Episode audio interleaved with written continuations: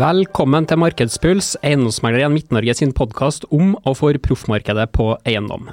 Mitt navn er Jan Håvard Valstad, og i denne episoden skal vi både ned i Excel-arkene og ut i felten for å ta temperaturen på næringseiendomsmarkedet i Trondheim og i Midt-Norge. Det er siste uka før jul. Forrige uke hadde både Fed og Norges Bank rentemøte, og vi kan oppsummere en høst med store utslag i markedsrenta og mye diskusjon med våre kunder om endringer i markedsverdi på eiendom. Derfor vil vi i denne episoden av Markedspuls diskutere nettopp verdisetting og verdiutvikling på eiendom. Både teoretisk og, regneteknisk, men ikke minst hvordan dette spiller seg ut i markedet. Og vi ønsker å jobbe oss gjennom de underliggende driverne på etterspørsel, leiepriser, og se det opp mot tilbudssida med tomtepriser, byggekostnader, tilførsel av nybygg innenfor ulike segmenter. Og når vi skal angripe dette fagområdet, så er jeg veldig glad for at vi har med oss en virkelig nestor i Norge på analyse og verdivurderinger av næringseiendom. Tidligere Head of Research i Akershus Eiendom, Ragnar Eggen, velkommen til podkasten. Tusen takk for det, veldig hyggelig å bli invitert. Og med oss i studio så har vi også Brage Aartun, analytiker og verdivurderer i Eiendomsmegleren. Hei, hei. Og Kent Roger Tangvik, leder for næringseiendom i Eiendomsmegleren Midt-Norge. Velkommen. Takk for det.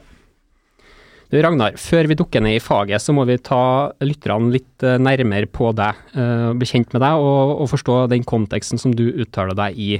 Og, og tipper at for mange så har det skjedd noen ting i karrieren din de siste par årene òg som har nyhetsverdi. Da jeg fikk gleden av å begynne å jobbe med deg, så var du analysesjef i Akershus Eiendom, og det var du vel fra 2007? Fra 2007 til 2021. Eh, ja. Så det var 14 år som analysesjef, og før det så var jeg også analytiker siden 2002. Så jeg var med på det i mange år. Eh, jeg jobba jo da i Oslo. Mesteparten av tida så pendla jeg jo her fra byen.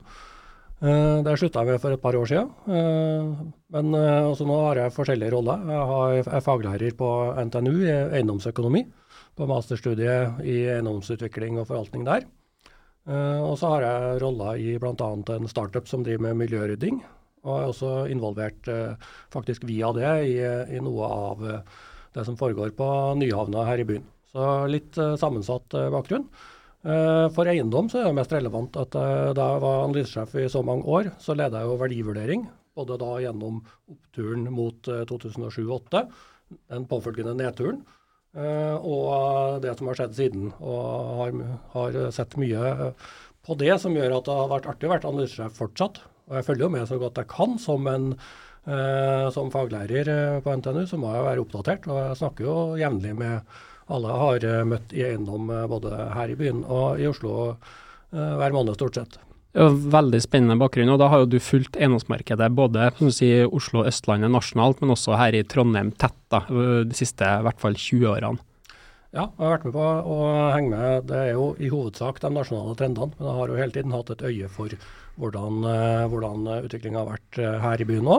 Og jeg var med på å bygge opp eh, analyseverktøyet som dere fortsatt bruker i Eiendomsmegleren. 1.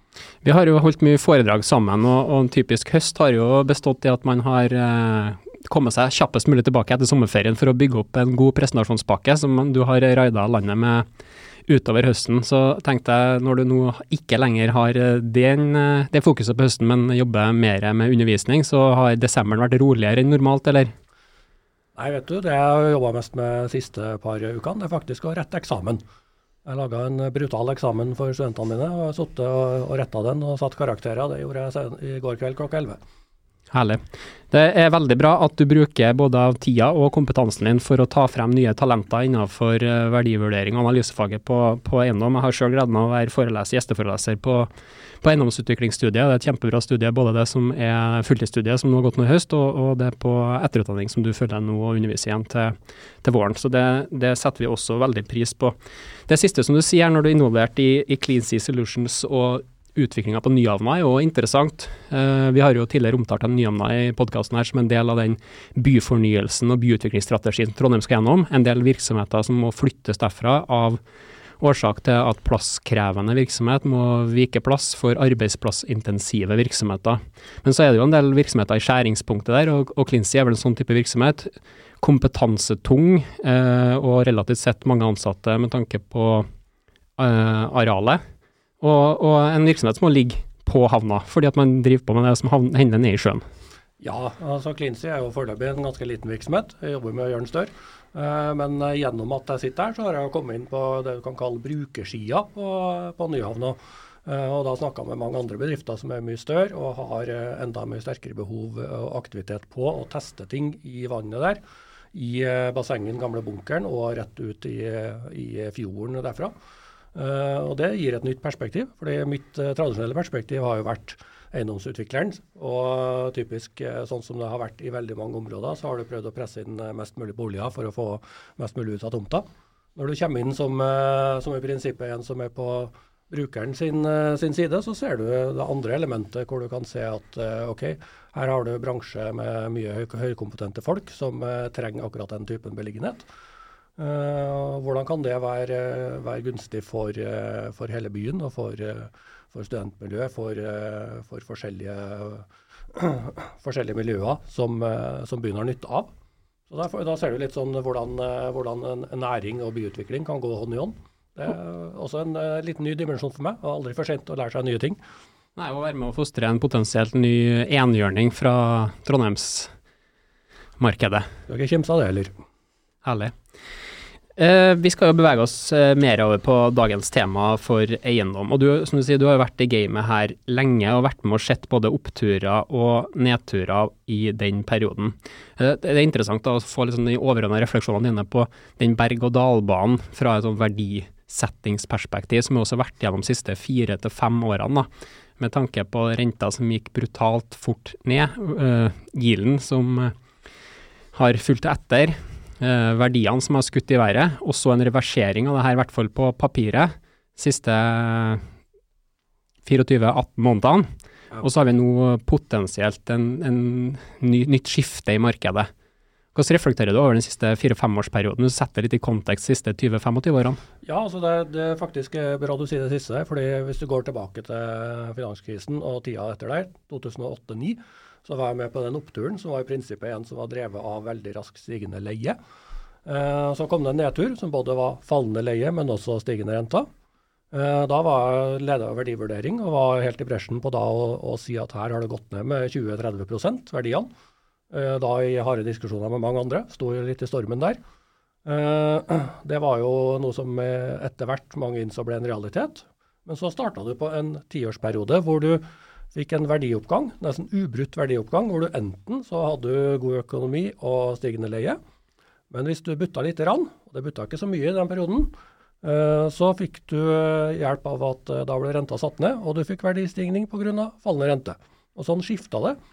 Stigende leie, fallende rente. Stigende leie, fallende rente. Fikk du ikke i pose, så fikk du i sekk. Inntil da 2020 hvor du fikk først en litt sånn uh, skremt periode i andre kvartal. Lite sjokk i mars? Ja, et lite sjokk. Og det var bare sånn uh, Vi laga prognoser, og vi gjorde alt sammen. Uh, type hvordan går det her? Men allerede i tredje kvartal så begynte jo folk å si at uh, det her går jo punkt én, det går ikke ille, og renta er jo griselav. Så da fikk du i pose og sekk samtidig, og du fikk en ekstra verdistigning helt frem til da ja, våren i, i, fjor, hvor du da fikk fallende rente og bratt stigende leier.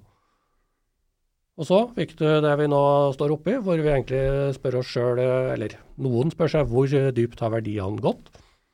Hvor langt ned, hvor mye har du tapt? Har du tapt 20-30 igjen? Det er ikke usannsynlig for ganske mange eiendommer at verdien har gått ned så mye. Uh, og så går du inn i en fase hvor man sier siden oktober så har uh, markedsrentene falt. Og, og vi begynner nå å lure på hva det bunnen? Hva det alt? Er det nå det kan begynne å omsettes igjen? Før vi tar uh, og graver videre i det spørsmålet, så kobler jeg på Kent her, som følger markedet tett fra dag til dag og gjennom denne siste fire-femårsperioden. Vi er jo sauer og flokkdyr hele gjengen når vi er med på den oppturen og ikke ser at den korreksjonen vil komme. Uh, veldig få har sikra seg rentemessig, f.eks. med binding, for å være klar for den motsatte effekten av fallende renter. Hvordan opplever du at uh, markedet har endra seg siste si, høsten her nå, med tanke på å nærme seg en situasjon hvor man uh, begynner å bli enige om verdsettelse? Ja, det er veldig interessant som du sier innledningsvis. og liksom de eh, tre-fire siste årene. Det var historisk transaksjonsvolum. Alle skulle jo investere i eiendom. Når en ser i ettertid, så er det litt fascinerende hvordan så mange agert sånn framstod som at renta skulle være lav i all framtid. Vi måtte jo få en korreksjon, men som for Midt-Norge og Trondheim så ser vi jo fortsatt at det er et fungerende transaksjonsmarked. De rene finansielle eiendommene har nok stoppa mye opp. Det omsettes mye sånn egenbruker, eh, industrielle eiendommer. Og så er jo mye utviklingseiendom som omsettes, og det har vi jo snakka om før. Og det skjer jo såpass mye i Trondheim med KPA-rulleringer, mye eiendommer som skal brukes til noe annet i framtida enn brukes til i dag. Og de er fortsatt veldig interessante for veldig mange. Det vi merker sånn, merka siden november, nå gjennom desember, at det er flere og flere som begynner å bli litt enige om reprisinga. Vi merker at det er tettere og tettere avstand mellom partene. Og vi har trua på at 2024 eh, skal bli eh, litt som 2023, men mye mer forutsigbar og litt mer stabilisering i transaksjonsmarkedet. Mm. Refinansieringsbehovet etter en periode med veldig mye obligasjonslån med kort løpetid, det var jo på en måte spådd å kunne være utløsende for mange transaksjoner i, i år, og kanskje også at en del transaksjoner måtte uh, realitetsorientere et voldsomt i pris, for det kunne være vanskelig å få tilgang på refinansiering. Hvordan har det skjedd ut i Oslo-markedet hovedsak da, Ragnar? Eh, det er jo en eh, interessant situasjon. fordi Hvis man ser, ser, på det her nedturen i forhold til tidligere, så er jo det at punkt én, veldig mange har finansiert seg kort. Og punkt to, veldig mange har finansiert seg med obligasjoner, som også i prinsippet var kort, men da med det lille ekstra at du faktisk kom til å få et utløp. Eh, så det ble jo spådd å kunne bli en eh, kilde til veldig mye trøbbel. Eh, det vi har sett, er at noen har blitt rullert og, og forlenga. Men noen har da på en måte møtt i prinsippet situasjonen hvor de var nødt til å skyte inn mye mer egenkapital. Fordi at man ikke får lånt like mye. Fordi låneutmålinga er ikke eller i forhold til verdivurderinga er ikke låneutmålinga der. Og det andre som kommer inn, er at du faktisk må være i stand til å betjene den renta. Så noen har gått inn og skutt inn mer egenkapital i sine syndikater, og andre har da faktisk solgt. Og det at noen solgte, og at det ble offentliggjort en del priser, var nok litt utløsende på at man begynte å bli enige om at ok, her, her, er, det kanskje, her er det kanskje en bevegelse som vi må være enige om har skjedd. Uh, og store spørsmålet har vært hvilke banker vil plukke opp det som har gått ut av, eh, av obligasjoner. Eventuelt vil noen av obligasjonsutstederne eh, faktisk ta eiendommen. Det har vært en del eh, diskusjoner, men det har ikke vært store rystelser som har fremkalt store problemer. Det er mm. vel egentlig en, en liten oppsummering. Og En del har avhenda noe eiendom og, og, brukt den kapitalen til å sette i andre. Brage, du som sitter med, med verdivurderinger i det daglige. Har vi sett en endring i etterspørselen med tanke på bankers krav til å ha trygghet for den sikkerheten de har, verdiene der, og også for å gi et refinansieringsperspektiv? da. Etterspørselen etter verdivurderinger og innholdet, innretninga på verdivurderingene? Ja, det, vi ser jo at det er veldig stor etterspørsel. Bankene ønsker å, ønsker å ha kontroll på utlånsporteføljen sin. Eh, vi ser òg det at eh, de kravene de stiller er, blir langt strengere. Fra tidligere og egentlig nesten kan, kan få en mail med hva, hva, man mener er verdien, så er det nå ganske strenge krav da, til hva innholdet i verdivurderinga skal være. Og det er egentlig ganske tydelig, tydelig spesifisert i modulene de bruker for kredittrisiko. da. Og Vi ser jo veldig tydelig at bankene eh, er gode å ha på laget i tider mm. som nå. så Sånn sett så er det lurt å være proaktiv eh, og ha klart de verdivurderingene når man går i dialog med bankene. Og skape en trygghet tidlig der, så man har et handlingsrom både for eksisterende og eventuelt mulige nye oppkjøp. Ja, jeg tror jo det er Det vil jo være en sikkerhet. Altså, nå ikke jeg, jobber ikke jeg i bank og gir ikke ut lån, men det å vise banken at du har kontroll på verdiene dine, følger opp jevnlig og har en god styring, tror jeg absolutt er positivt da, hvis man f.eks. skal gå i en refinansieringssituasjon eller lignende. da. Mm. Ragnar, du var jo ivrig her i sted og ville fort inn på tematikken rundt de transaksjonene som faktisk har skjedd da, i løpet av eh, Q4 nå, eh, og som kan være med å kanskje definere eh, et mer reelt GIL-nivå og prisnivå. spesielt én transaksjon som ble veldig synlig i media når Telegrafen gikk. Eh, og mye synsing rundt eh, både pris og gild der en periode, og så har det kommet for dagen etter hvert. Hva tenker du om den som en eventuell referanse både på type transaksjon, kjøper og prisnivå? Eh, det var bra på flere måter, egentlig. Eller bra, bra. Altså, det er bra fra et analyseperspektiv. Det er ikke nødvendigvis så bra å være eier når du, når du taper tre fjerdedeler av investeringa. Men uh, noe av gamet her var rett og slett at uh, du, du, fikk en synlig transaksjon med et objekt som veldig mange kjente til, hvor noen tok et tap, og noen gikk inn og tok en investering. Og det at det var da Norwegian Property og med Jon Fredriksen bakom som går inn og investerer, det er interessant. For det er jo litt sånn at uh, hvilken type eiere som går inn, går inn nå, hvilke som satser mer, hva slags eiendom satser du på? Uh, og det et signal til andre om at uh, OK, det her er et nivå å handle på? Det blir litt den signaleffekten som, som, også da gjør at flere puster litt lettere. Det, det jeg har hørt fra folk jeg kjenner i Oslo som jobber i bransjen, er at det løsna etter sommeren. Det løsna i august-september. Og, og, ikke bare den, men en del lignende type transaksjoner var med på å si at, uh, var med på å etablere et, uh, et vel, litt mer velfungerende marked. Og nå i desember så har det gått uh, greit, er tilbakemeldinga at man, man, får bud på bra ting. Den bjellesøv-effekten til Fredriksen der, da høres den over og over opp til Trondheim, Kent?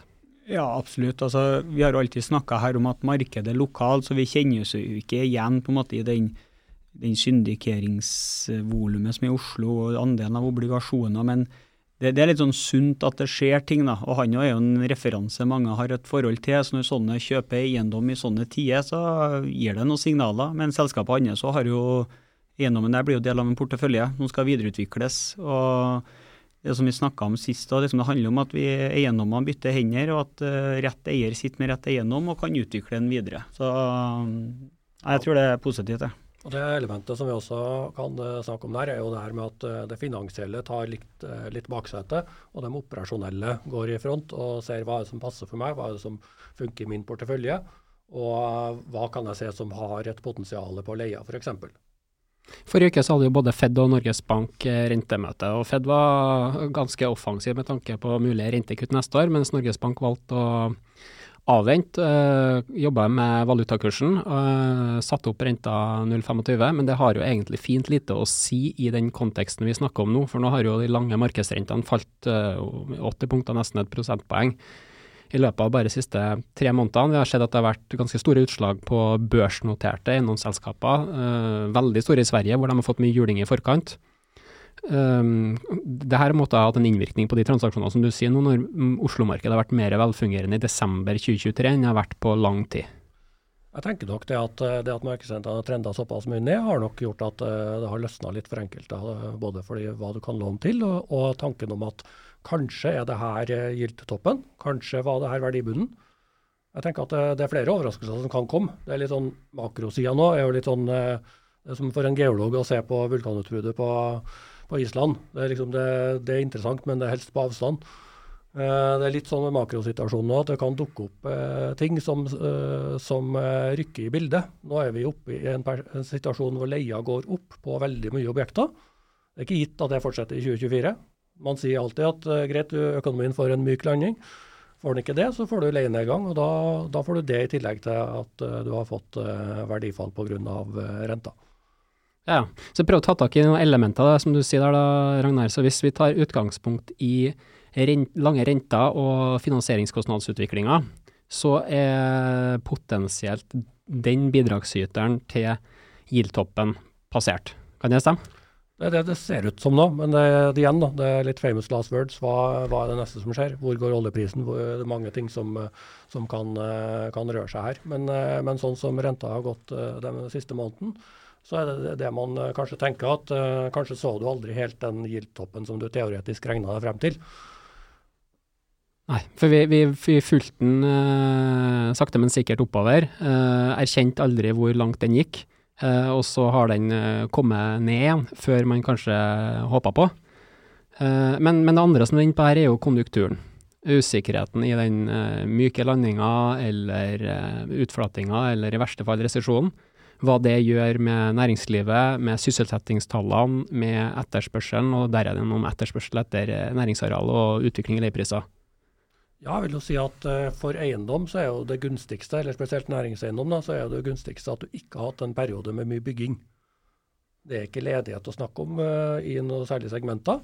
og du har en opplevelse at det er så lite i pipelinen på bygging, eh, det er dyrt å bygge, og du ser at en del av dem som er brukere av eiendom, de priser seg litt i forhold til at de vet at uh, hvis du skal få bygd noe nytt for seg sjøl, så blir det noe veldig dyrt. Mm. Så det er et element som, uh, som kommer inn ganske tungt. Uh, men ja. Hvis vi, hvis vi, hopper kjapt over i de ulike segmentene i, i Trondheim, da, Kent. Kontor, der har vi jo nesten ingen ledighet. 4% totalt sett. 4,6 på Trondheim totalt sett. 2% på det som ligger rundt Trondheim sentrum. Uh, veldig lite tilførsel i løpet av 2024, en del tilførsel igjen i 2025. Der har det jo vært ganske offensiv leieprisutvikling de siste to årene, hvis jeg ser det under ett, i hvert fall.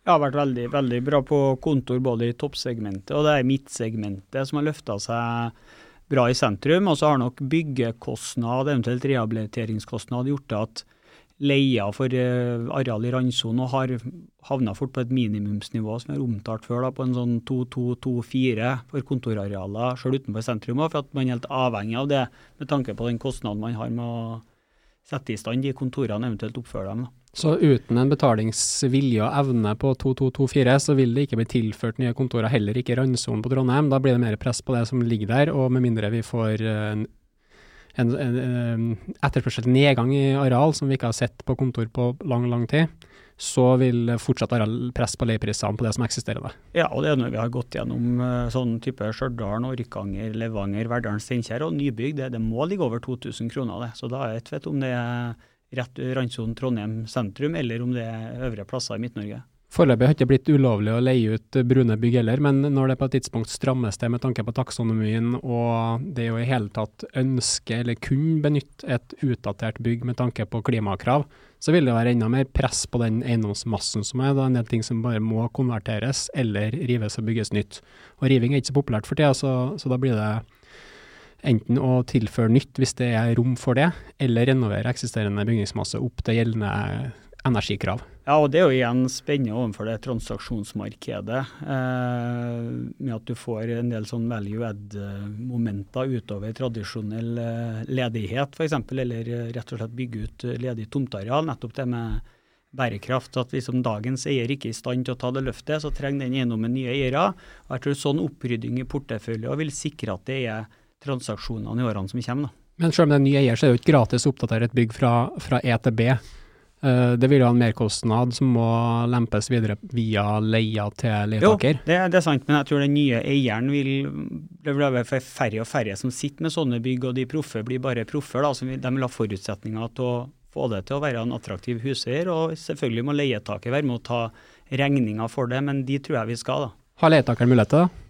Ja, spesielt innen kontor så har vi jo regna litt på det at leia utgjør ganske lav andel av kostnaden for en kontoransatt. Så jeg, jeg tror vi har mer å gå på der. Og med at det går snakker for Trondheim Midt-Norge sin del, med at det går generelt bra i næringslivet, så tror jeg det er fullt mulig å ta ut mer der. Jeg tenker at uh, det du sier der nå med leienivå, og at det er en liten andel uh, De siste 10, kanskje 15 åra så har nok de aller fleste bransjer de har nytt godt av uh, lave renter ved at det har blitt sendt til dem fordi at de har fått rimelige leietilbud. Du har vært i stand til å konkurrere på leie. Det, prisnivået du snakker om på randsone, 2224, det var før under 2000. Det var nede på 1700-1800. og det var jo rett og slett fordi det var mulig å selge bygget på, på 5% når det var ferdig, eller 4 Og dermed så, så kan du si at det er nå du skal få tilbake Eh, den eh, leieveksten som du egentlig har sluppet i 10-15 eh, år.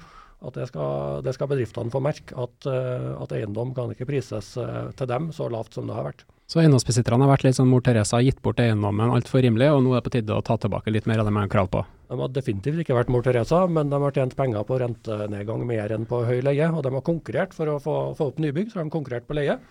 Og dem som vant, var dem som satte en litt lav leie. fordi at i neste runde så hadde renta gått ned enda mer, og de tjente mer enn de trodde.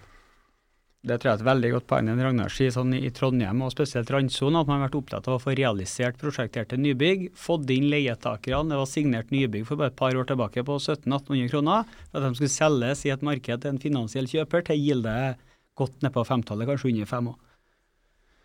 Spennende. Hvis vi går til litt andre segmenter, tenker jeg lager, logistikk, lett industri. Ser vi det samme mønsteret der, når man gjør oppbygginga fra tomtekostnad, byggekost, og hvordan treffer man da på en leiepris som er markedspris, eller som eventuelt er over eh, markedspris på leia? Der tror jeg nok leia i større grad har et tak da, enn på kontor, for jeg tror det vil være mer marginalt for type leietaker. Det vi ser der i siste, er at tomteprisene har steget veldig, typisk Storgård, Sveberg, Hofstad.